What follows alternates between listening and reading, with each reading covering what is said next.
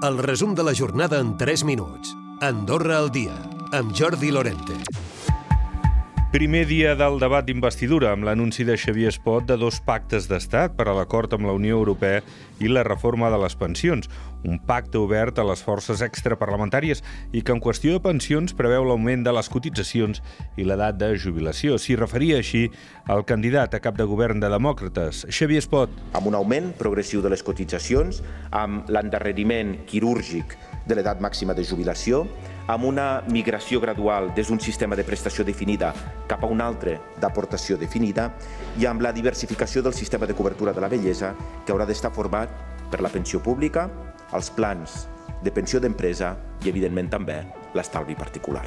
També iniciava el seu discurs l'altre candidat a cap de govern per part de Concòrdia, Cerny Escalé, que al voltant del quart d'hora d'exposició del seu programa patia un desmai, s'havia d'ajornar aquesta sessió d'investidura fins a aquest dimarts a partir de dos quarts de deu del matí. Amb tot, Cerny Escalé parlava d'una qüestió fonamental, com és l'habitatge.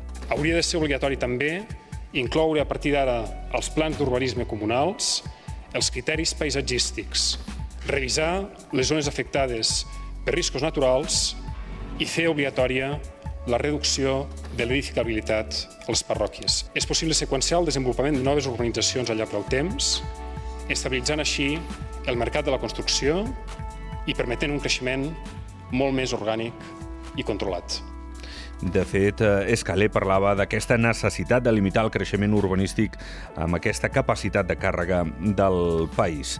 I en d'altres qüestions, els conductors de l'Hispano Andorrana i Montmantell, que van quedar sense feina una quinzena d'ells, seran contractats per la resta d'empreses de transport del país. De moment, la majoria 10 s'incorporaran els pròxims dies a la plantilla de Copalsa i Nadal. Des d'aquestes companyies reconeixen que les noves incorporacions procedents de l'Hispano Andorrana i Montmantell són molt ben valorades, ja que es tracta de conductors molt professionals, amb coneixement de les rutes nacionals i internacionals i arrelats al país als carrers Callaueta i Riberaigua de la capital.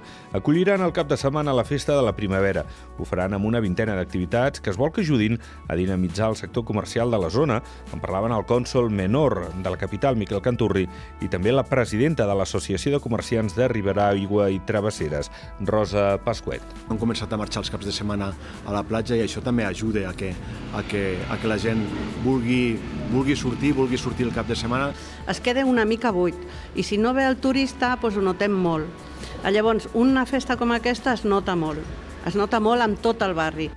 El decomís de divises i tabac de contraban a la Farga de Moles ha baixat el primer trimestre en comparació amb el mateix període de l'any passat. La recuperació de l'activitat econòmica i l'eliminació de les restriccions a la mobilitat per la Covid-19 s'ha traduït també en un augment de divises intervingudes a la duana els darrers anys. Recupera el resum de la jornada cada dia a AndorraDifusió.d i a les plataformes de podcast.